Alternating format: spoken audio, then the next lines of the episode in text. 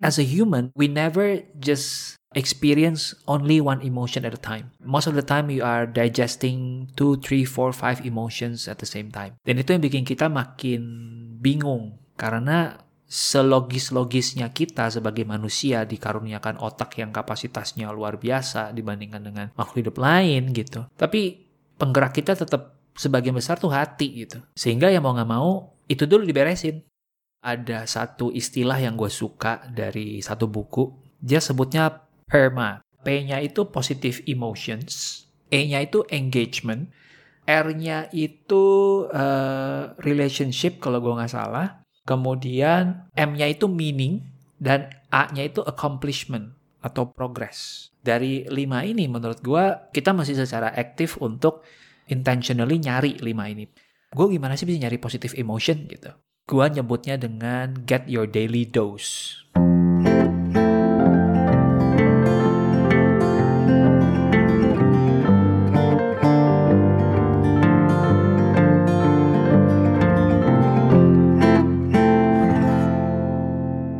Halo, aku Peti dan kamu lagi dengerin podcast Main Mata. Podcast buku yang merupakan bagian dari jaringan Potluck Podcast. Follow Potluck di Instagram at Potluck untuk tahu episode terbaru dari podcast-podcast yang ada di dalam jaringan dan juga info kegiatan lainnya.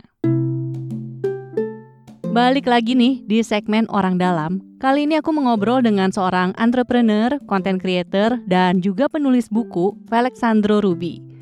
Jadi Ruby ini baru aja nerbitin buku You Do You. Ini dirilis tuh akhir 2020 lalu barengan sama Peer Press. Ini tuh bagian dari Gramedia Pustaka Utama. Nah, buku ini tuh masuk kategori self improvement ya dan isinya tuh semacam buku panduan nih buat siapa aja bisa merefleksi diri, terus mencari potensi diri supaya dia bisa menjalani hidup, berkarir dan bekerja dengan memaksimalkan potensinya itu. Buku You sendiri emang dibuat berdasarkan jatuh bangunnya Ruby nyobain berkarir di 9 jenis profesi yang beda-beda. Nah, di sini Ruby nyeritain beberapa kegagalan yang dia alami dan juga hal-hal yang dia lakukan sampai dia punya pola pikir yang kayak sekarang ini. Dan ternyata ya semuanya juga berakar dari rutinitasnya membaca dan menulis. Jadi, tanpa berlama-lama lagi, yuk sekarang kita dengerin obrolannya. Ngomongin si buku You Do You nih, hmm. teman-teman yang di sini juga kalau kenal nama Alexandro Ruby gitu ya, mungkin oh sukses banget nih buku You Do You juga masuk kategori mega bestseller kan, hmm. yang artinya udah kejual lebih dari 100 ribu eksemplar, hmm. konon begitu tuh. Jadi silakan dikali sendiri ya berapa nih royaltinya. Terus juga dari yang You Do You, kemudian memang gue pernah uh, nontonin juga YouTube, terus dengerin interview lo juga lo ceritain juga kan perjuangan gimana lo untuk kuliah, kemudian ke Australia, terus lo juga berambisi untuk melihat lagi hmm, lebih banyak hmm. gitu.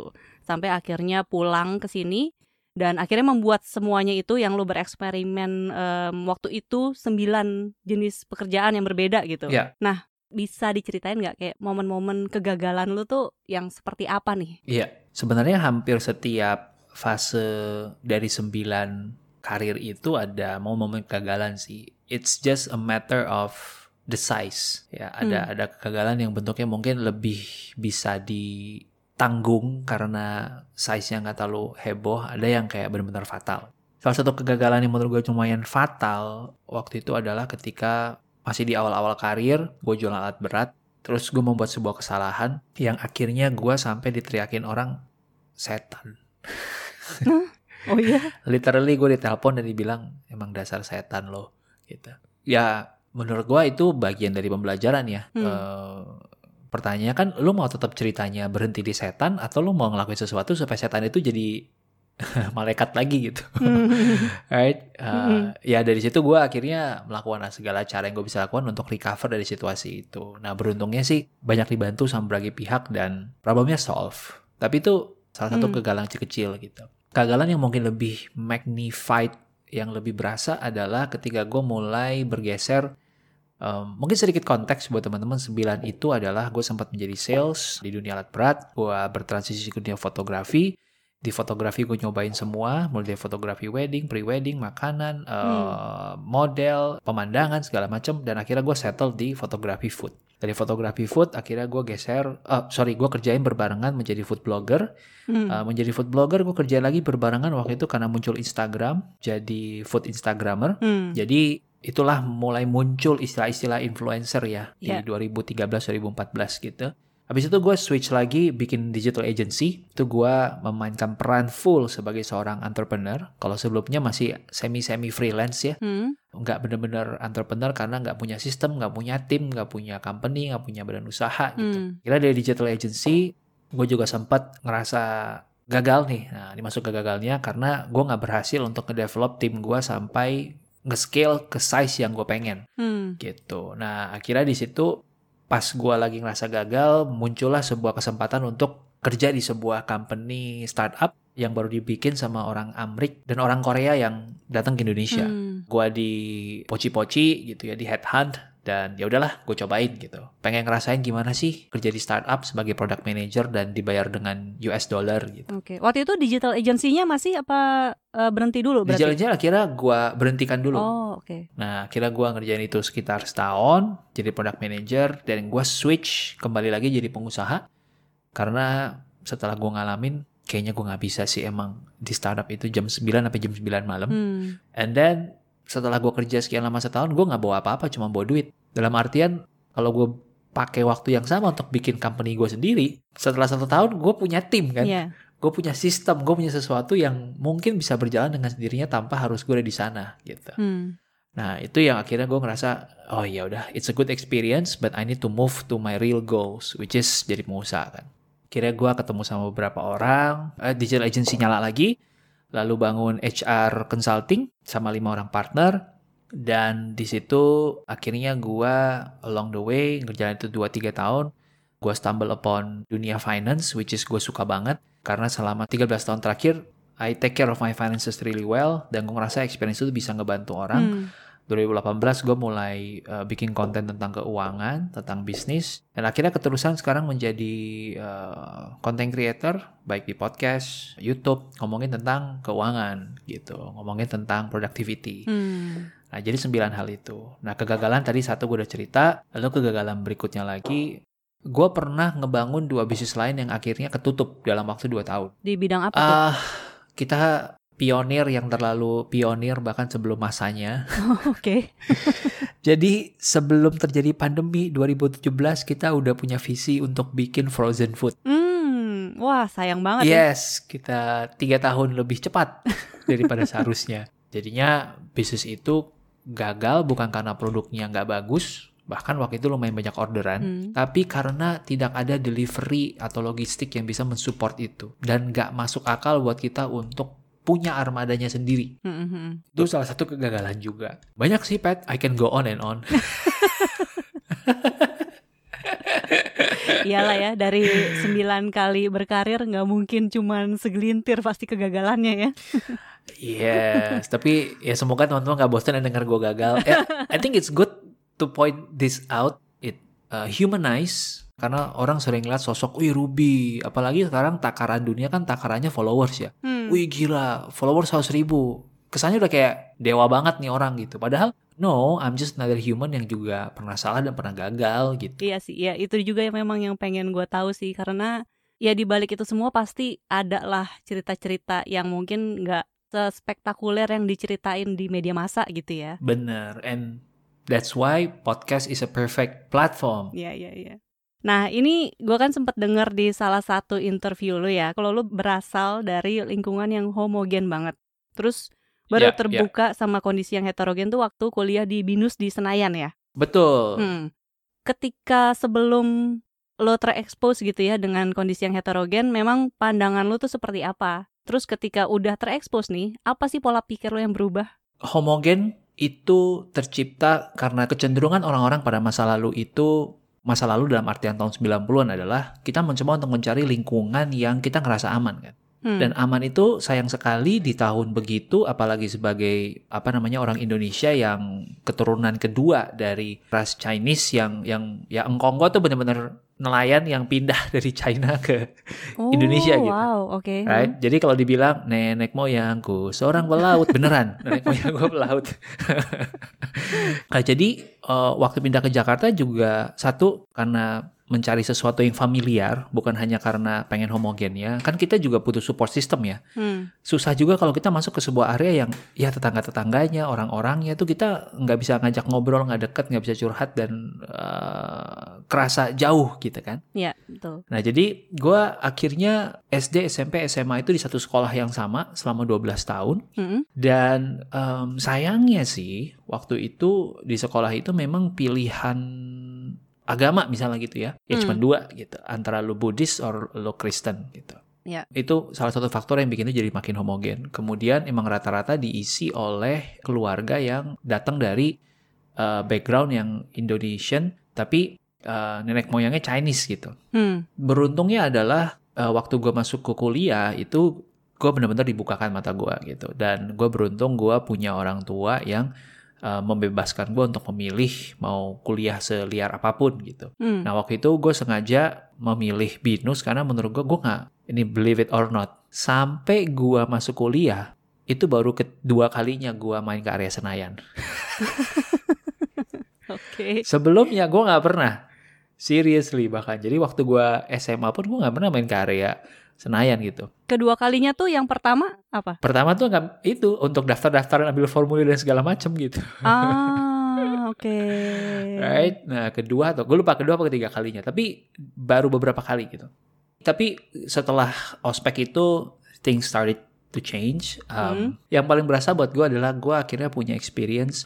Oh gini toh kalau lu puasa bareng sama teman-teman lu yang muslim Hmm. gitu. Oh gini toh kalau lo ketemu orang-orang yang ngedengerin musik yang berbeda sama lo gitu. Well of course pada masanya gue the only reference yang gue punya adalah apa pun yang tampil di MTV gitu. Ya. ya kan? Uh, all the boy bands yang lagu-lagunya dibikin sama Max Martin gitu.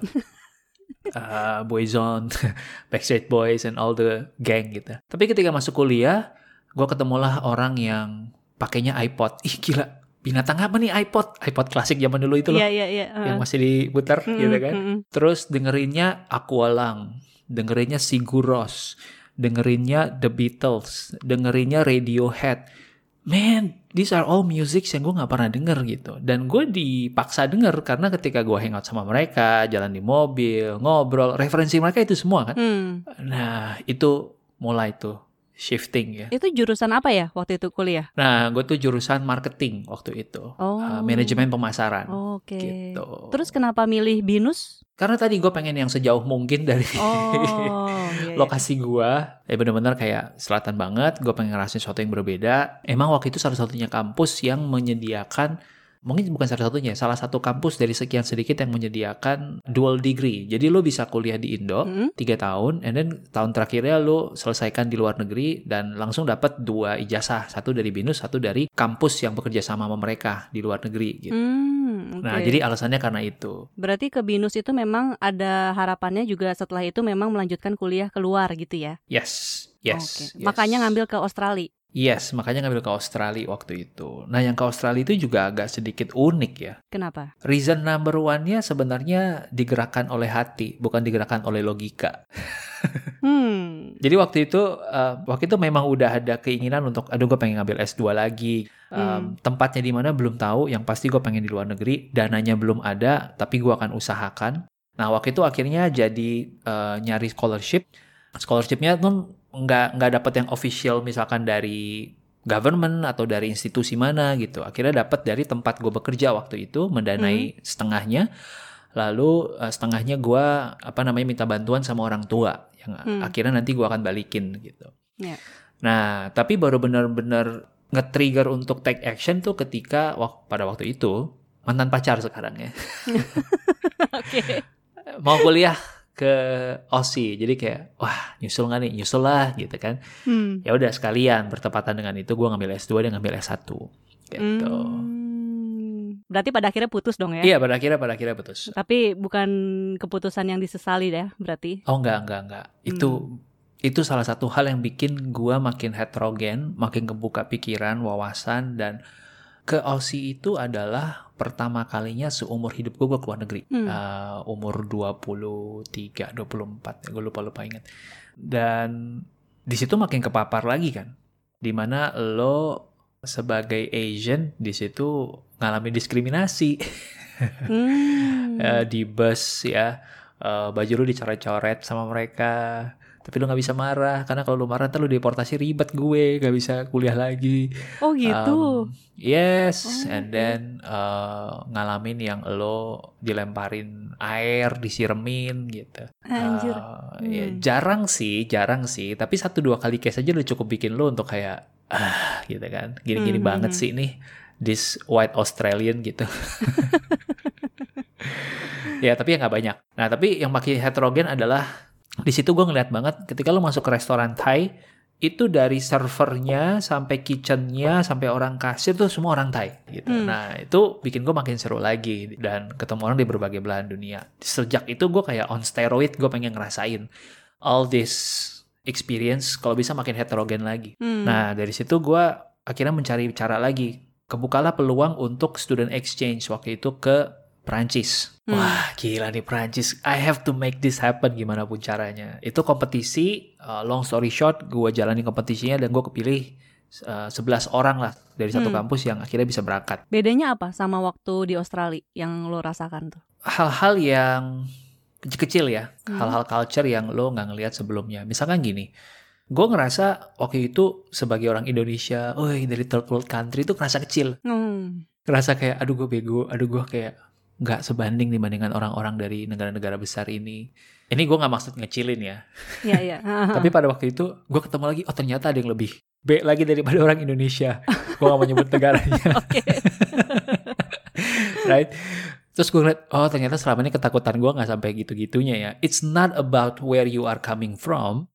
Lu dari negara mana pun gak menentukan lo lebih kecil daripada orang Amrik, orang Aussie, orang mana yang kesannya lebih itu. Tapi ya Hmm. seberapa jauh lo mau develop diri lo sendiri gitu. Dan I was one of the top in the class, walaupun gue dari Indonesia. Dan itu bikin gue ngerasa, oh oke, itu mematahkan my self-limiting belief pada waktu itu. Nah makanya ketika pulang dari Aussie, gue ngerasa kayak I can do anything that I want. Oh, oke. Kalau sebelumnya sangat kelimit banget. Itu sih yang pertama. Lalu yang kedua, hal kecil kayak lo sekarang berani untuk lebih speak up. Itu yang bikin beda banget. Misalnya gini, ketika gue pulang ke Indo dan gue ketemu sama klien-klien, gue ketemu sama eh, apa namanya temen-temen yang dulu gue ngerasa canggung karena jiper, karena ngerasa nggak selevel, karena gue ngerasa kayak you always look down on yourself karena lu datang dari background yang B banget gitu Hmm. right? Hmm. Lower middle class, Ya. anak kampung beneran dari Riau gitu. Hmm. Tapi ketika gue udah ngerasain, oh gini toh ya di Prancis ya, di situlah mulai ngelihat bahwa memang bener yang kayak dibilang di film uh, Crazy Rich Asian, ada momen yang kalau nggak salah emaknya emaknya siapa gitu yang bilang, uh, kayaknya emaknya yang si ganteng tajir deh, Oke, ha? bilang apa dia? yang bilang kayak lo tuh dibesarkan di Amrik ya, lo semua mengagung-agungkan passion. Padahal sebenarnya kalau kita di negara Asia, yang pertama lo agungkan adalah tanggung jawab lo sama keluarga lo. Gitu. Oh iya, iya iya iya. Hal-hal kayak gitu kan. Nah itu Mm, itu mm, juga yang bikin gue jadi ngerasa oh ternyata sebeda itu ya. Di Indonesia kita bahkan nggak punya privilege untuk mikirin ngerjain apa yang kita suka, ngerjain apa yang kita enjoy. Hmm. Kita tuh masih baru sebatas ada peluang apa, ambil dulu aja bro Iya. survival itu sih menurut gue hal-hal yang yang gue rasain berbeda ya. Masih banyak lagi sih tapi I think itu yang yang trigger me the most. Hmm. Hmm. Makanya ketika ya dari situ kan berarti ke Australia lagi terus balik ke Indonesia udah jadi orang yang berbeda dibandingin yang dulu lah ya. yes definitely. Itu juga momen yang ketika balik gue mulai berpikir eh iya ya possible ya gue bisa enjoy pekerjaan gue ya. Kerja tuh nggak cuma sekedar kerja ya. Bisa ya orang bilang kerja itu kayak main Nah itulah Hmm. makanya gue mulai mulai explore kata passion, mulai ngebaca buku-buku kayak Ken Robinson yang The Element, eh, mulai baca eh, Marcus Buckingham yang judulnya Now Discover Your Strengths, Hmm. and eh, waktu itu ada satu buku juga yang tulisan orang Indonesia eh, Rene Soehardono, Your Job is Not Your Career gitu. Oh ya. Nah, itu akhirnya mulai masuk ke level berikutnya pencarian uh, jati diri yang berikutnya. Berarti mulai suka baca buku tuh ketika di luar atau memang sebenarnya dari si ya mungkin dari kecil sebenarnya udah suka juga tapi makin terarah ketika uh, terekspos dengan makin dunia makin luar atau terekspos gimana? eh makin makin pengen baca makin doyan baca ketika terekspos dengan uh, dunia luar sih uh, dari kecil udah doyan gue tuh orang pertama yang ngeramein Harry Potter waktu zaman SMP Oh iya, di ngeramein di mana maksudnya? maksudnya kayak um, sering banget keluar masuk Gramedia pada masanya. Terus pas ngeliat Harry Potter ini apa buku apaan sih? Gitu kan. Eh beli dulu deh gitu Hmm. kan. Beli and then gue baca terus gue bawa ke uh, kelas terus kayak gue kayak kasih kasih ini lu mesti baca lu mesti baca lu baca siapa yang baca gue pinjemin gitu kan. Akhirnya pada beli dan pada doyan gitu. Emang dari dulu udah senang baca sih. Hmm, oke. Biasanya apa sih yang lu cari ketika baca buku? nomor satu lebih sering baca buku karena FOMO sih Oh gitu. Oh ini baru rilis nih, wah ini penulis favorit gue gitu ya. Ini gue suka nih kalau dia ngeliris sesuatu pasti menarik gitu kan. You just have that intellectual curiosity to always at the frontier of what's new, what's exciting gitu ya. Hmm. Scientific uh, apa namanya uh, explanation apalagi nih buat gue bisa mendekati ke kesuksesan gitu ya Hmm. atau bisa menjawab masalah gue sehari-hari gitu. Nah itu yang mungkin men-trigger pertama. Lalu yang kedua, biasanya lebih karena lebih karena ada satu masalah yang pengen gue coba urai sih. Hmm. Jadi cari buku-buku yang ada hubungan sama masalah itu gitu. Kalau nulis mulai kapan? Nulis itu kayaknya bagian dari ekspresi diri yang terus develop dari semenjak SMP. Jadi ingat nggak zaman zamannya mading? Ah iya, inget dong. Ngalamin ya berarti ya Pet ya. Dulu sekolah di mana sih? Kayaknya nggak jauh, beda. Em, gue tuh sekolah dari SD eh dari TK sih, TK SD SMP tuh di Lebak Bulus ya, di Karitas namanya. I see. Terus SMA di Kolese Gonzaga. I see. Wah gila. Itu Uh-uh. sih gua nggak nggak nggak heran kalau pembawaan dan bahasa lu selatan banget. Eh tapi kita kebalikan Iya, nih. Lu kuliah ke selatan, gue kuliah ke UPH. Oh serius? Iya. Oke. Uh, Nah kembali ke si mading tadi gitu ya. Nah kalau gua tuh dari masa galau-galau SMP itu nulis macem-macem di mading aneh-aneh lah gitu. Uh, menggambar juga sempat dieksplor. Jadi gue suka ngereplika muka artis yang gue suka. Hmm. Nah, akhirnya turun ke tulisan, turun ke blog. Blog juga zamannya Friendster tuh nulis testimonial buat teman-teman panjang-panjang. ya kan? Bener-bener. bener. Terus zamannya Facebook juga ada momen di mana Facebook itu bisa bikin Facebook Notes yang kayak semi ngeblok gitu. Mm-mm. Ya, akhirnya masuk ke blogger dan keterusan deh jadi food blog. Uh, Hmm. food blog akhirnya berlanjut menjadi sebuah website tentang makanan. Ya. Jadi hampir seperti sebuah media. Akhir itu ya masuk sosial zaman sosial media terus jadi caption, jadi nulis cerita. Boom boom boom boom boom fast forward 2020 lahirlah buku You Do You. Oke, ya berarti sejarahnya udah cukup panjang lah ya. Bermula menulis itu dari SMP, dari mading ya. Hmm, dari mading, dari Hmm. mading. Nah terus ketika lo memutuskan nih untuk pindah haluan ya, waktu itu kan sebagai food blogger kan lo under namanya Kapten Ruby. Yes. Terus kan ke Felixandro Ruby nih. Yes. Dan memang bisa dibilang start dari nol ya, karena kan Yes. lo bukannya ganti nama, tapi lo bener-bener bikin akun baru gitu. Tapi Yes. yang gue yakin adalah apa yang udah lo lakukan di masa lalu pasti tetap punya pengaruh nih ke hal baru apa pun yang lo bikin gitu. Ya. Aset apa nih yang waktu itu mungkin lo gunakan nih supaya lo bisa memperkenalkan branding baru lo? Nah, ini ini menarik ya, Pat. Hmm? Jadi dulu di akun yang pertama yang Captain Ruby itu ada sekitar 30 ribu lah followers ya kalau kita pakai angka. Terus gua mulai bikin akun yang Felixandro. Hmm. Lalu ada momennya di mana gua oke lah coba angkat-angkat akun baru ini mana tahu orang tergerak untuk follow. Hmm. Gue sempat mention beberapa kali lah, tapi less than five times. Hmm. Tebak, Pat, berapa dari 30 ribu itu yang mau follow gua ke akun baru? 30 ribu, oke. 10% kali ya. That was what I thought tuh gitu kan. Minimal 10% lah orang mau ikut gua. 3000 cepet lah. Iya. heeh. You know what? Not even 500. Oh ya? Yes. That's the truth. Oh wow, Gitu. itu oke. Itu apa yang lo rasain waktu itu? Oh pedih men. Pedih. Kayak oh wow. Ternyata 30 ribu udah gak bermakna apa-apa kalau lu nggak bisa menggerakkan orang kan. Hmm. Nah, jadi gue di situ ngerasa it's okay, nggak apa-apa. Karena lo mau mencoba sesuatu yang baru, kemungkinan besar bahkan lo malah akan mengattract audiens yang totally berbeda. That's why mereka nggak pindah kan, Hmm. gitu. Karena gue nggak ngomongin makanan lagi, gue nggak ngomongin traveling lagi, gue nggak ngomongin uh, jalan-jalan hura-hura gitu kan. Jadi gue ngerasa it's okay. Walaupun nggak nyampe 500, tapi ini adalah orang-orang yang mungkin my true believers. Mereka yang pengen ngikutin next stepnya Ruby ke mana nih. Dan menurut gue it's a good start, gak apa-apa. Hmm. Nah, jadi gue mulai konsisten untuk bikin konten waktu itu. Caranya sedikit berbeda karena waktu itu sudah lebih aktif, eh sudah makin rame orang pakai IG Stories, Hmm. ya kan. Sebelumnya waktu gue di Captain Ruby ya masih IG Feed gitu banyak Iya. kan. Nah, di IG Stories itulah mulai kebentuk sebuah intimacy yang berbeda karena orang bisa curhat, bisa tektokan dengan lebih candid gitu. Orang bahkan bisa DM, kemudian DM itu bisa diangkat, bisa di screenshot eh, dan nama dia mungkin disamarkan, terus ditaruh di stories dengan cepat, Hmm. terus bisa menjadi obrolan lebih lanjut. Nah, proses bikin konten yang yang seolah-olah lu tuh lagi co-create sama audiens lu di saat itu di momen itu juga Hmm. ya kan karena kan almost instantly happening kan Iya. beda sama kalau fit lu foto dulu lu edit dulu lu pikirin dulu wah ini harus matching gak sama kiri kanan atas bawahnya gitu ya Hmm, Iya benar-benar.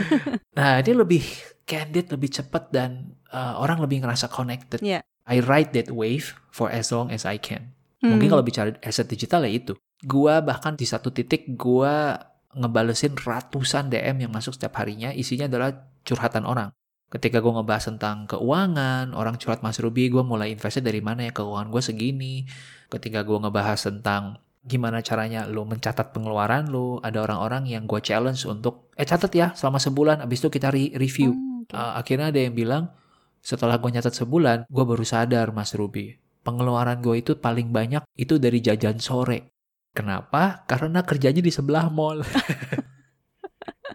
Kayak itu godaan banget sih. godaan banget. Nah, itulah yang yang akhirnya menurut gua menjadi mahal ya interaksi itu Hmm. dan nggak banyak quote unquote ya content creator atau influencer atau sebutlah apa namanya pada masa itu yang mau bersaing di level kedalaman bukan luas. Hmm. Everybody is looking out to reach out to larger audience. Yeah. I'm just looking to go deeper to my audience. How can I help you?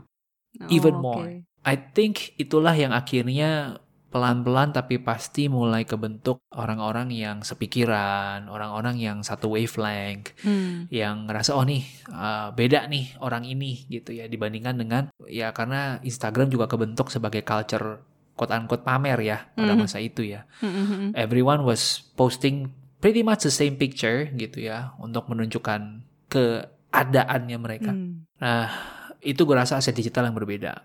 Sampai di satu titik gue udah gak sanggup lagi ngebalesin pakai ketik karena jempol gue pegel banget. Akhirnya gue bilang mohon maaf ya gue pakai voice note ya guys. Tapi ini bagus kok supaya lo lebih cepet dengernya daripada lo nunggu berhari-hari gue bales. I think it's faster and lo malah lebih dapat konteks karena ada intonasi, ada nada, ada apa gitu kan. Itu sampai sekarang masih lo lakuin? Nah, to be honest, salah satu alasan kenapa gue menulis buku itu adalah supaya teman-teman yang ngerasa bingung, mereka bisa ngebaca bukunya dan coba cari jawabannya dulu di sana. Hmm. Kalau udah ada di sana dan terjawab, it saves your time and it saves my time juga. Uh, bukan berarti gue nggak mau ngobrol lagi sama mereka, tapi menurut gue ada keterbatasan gue ngirim satu voice note satu menit sama lo baca buku yang 270 halaman gitu. Iya ya sih kan? bener sih. Karena pertanyaan-pertanyaannya tuh em, maksudnya yang lo tulis di buku adalah hal-hal yang banyak mereka pertanyakan gitu ya. Yes. Nah, jadi selama 2 tahun dengerin curhatan dan ngejawabin dan ngebantu, mulai kebentuk pattern kan. Hmm. Oh, ini pertanyaan-pertanyaan yang paling banyak menjadi kegalauan anak-anak umur 20-an nih. Gue Hmm. mulai petakan, gue jadikan sebuah jadikan 5 judul besar. 5 judul besar tadi gue petain menjadi judul-judul kecil lagi. Nah, gue rasa 70-80% pertanyaan-pertanyaan yang masuk sampai sekarang itu bisa terjawab kalau dia ngambil waktu untuk baca bukunya. Hmm. Tuh, dan bahkan nggak perlu baca the whole book, mulai aja dari chapter yang eh, menarik buat lo. Iya. Nah, tapi kalau ditanya apakah sekarang masih jawabin, masih. Tapi gua batasin. Eh, lebih karena ya kebetulan banget ya, gue bikin akun 2018. Gua ngejawab-jawabin DM sampai 2020 awal. And then pandemic happens. And then your capacity as a human mulai berkurang kan. Hmm. Karena pandemi lu mesti cope up with so many different things. Jadinya ya kapasitas mental berkurang. Jadi gue ngerasa lebih penting gue uh, ngejaga itu dulu gitu. Hmm. Ya hopefully nanti setelah udah kembali normal gue bisa kembali kayak dulu ya. Lu dulu gila intens banget. Dedicated satu setengah jam sampai dua jam per hari Buat jawabin ini DM. buat jawabin. Yes. Berarti kalau lagi em, di situasi pandemi kayak gini, state of mind lo sekarang lagi kayak apa nih? Mungkin gue lagi mencari kata yang tepat ya. Kata berantakan mungkin agak terlalu ekstrim. Hmm. Mungkin campur aduk. Lebih ke kayak gue nggak bisa terlalu expect bahwa hari ini akan berjalan senormal kemarin. Hmm. Jadi kayak nano-nanonya itu bisa fluktuasinya aneh gitu. Bisa eh, hari ini gue kalem banget gitu kan tiba-tiba eh, gue kirim karangan bunga kedukaan. Kan itu langsung drop lu ya. Iya iya bener. out of nowhere gitu. And then lu udah lagi nyantai lagi, besokannya lu udah lagi up lagi. Tiba-tiba besok lu dapet telepon dari bokap, eh papi positif. Damn, dan lo naik turun lagi. Hmm. Nah, So, menurut gua rentang naik turunnya jadi lebih unpredictable dibandingkan dengan sebelumnya. Jadi campur aduk. Terus em, apa yang lo lakukan nih untuk menjaga kewarasan lo? Mungkin teman-teman yang dengerin juga ngerasain ya. Mm-mm. As a human, we never just experience only one emotion at a time. Yeah. Most of the time you are digesting two, three, four, five emotions at the same time. Dan itu yang bikin kita makin bingung karena selogis-logisnya kita sebagai manusia dikaruniakan otak yang kapasitasnya luar biasa dibandingkan dengan makhluk hidup lain gitu. Hmm. Tapi penggerak kita tetap sebagian besar tuh hati gitu. Iya bener sih. ha. Sehingga ya mau nggak mau itu dulu diberesin. Ada satu istilah yang gue suka dari satu buku. Dia sebutnya PERMA. Hmm. PERMA itu eh, P-nya itu positive emotions, E-nya itu engagement, R-nya itu eh, relationship kalau gue nggak salah. Hmm. Eh, kemudian M-nya itu meaning dan A-nya itu accomplishment atau progress. Dari buku apa ya itu by the way? Uh, Flourish. Yeah, that's the title Flourish. Nama penulisnya Martin Seligman. Ada di Kindle ya. Ada di Kindle. Ada satu buku dia lagi judulnya Authentic Happiness. Itu juga related sama si Perma ini. Oke. Nah, dari lima ini menurut gua kita masih secara aktif untuk intentionally nyari lima ini. Gue gimana sih bisa nyari positive emotion gitu? Gua nyebutnya dengan get your daily dose. Nah, dose itu singkatan, Pet. Oh apa lagi nih? Dose itu D-nya dopamin, Hmm. O-nya oxytocin, S-nya serotonin, E-nya endorphin. So these are all the happy hormones. Hmm. Ya, eh, yang akan ngebantu kita supaya boost our emotion gitu. Kalau dopamin itu lebih ke kayak reward chemical. Eh, berhubungan dengan kalau kita menyelesaikan checklist. Nah, itu bikin kita ngerasa oh udah accomplish gitu. Itu dopamin. Hmm. Oksitosin itu eh, hormon kasih sayang. Kita dipeluk sama pasangan gitu kan. Em, kita ngedusel-ngedusel sambil rangkulan gitu ya. Iya. Kita main sama anjing kita. Love hormone. Lalu serotonin. Hmm. Ini mood stabilizer. Mood stabilizer tuh kayak dengerin playlist lagu-lagu yang bikin lu relax. Oh, Oke. Ya, ini hormon yang akan bikin lu tuh ngerasa stabil, nggak nggak se ekstrim itu naik turunnya. Hmm. Meditasi, Hmm. ah, gitu. Nah, terus yang terakhir endorfin. Endorfin ini baru yang lebih ke kayak obat kalau di dunia hormon. Ini painkiller ibaratnya. Hmm. Jadi kalau udah benar-benar nggak ketolong lagi, endorfin to the rescue. Apa itu?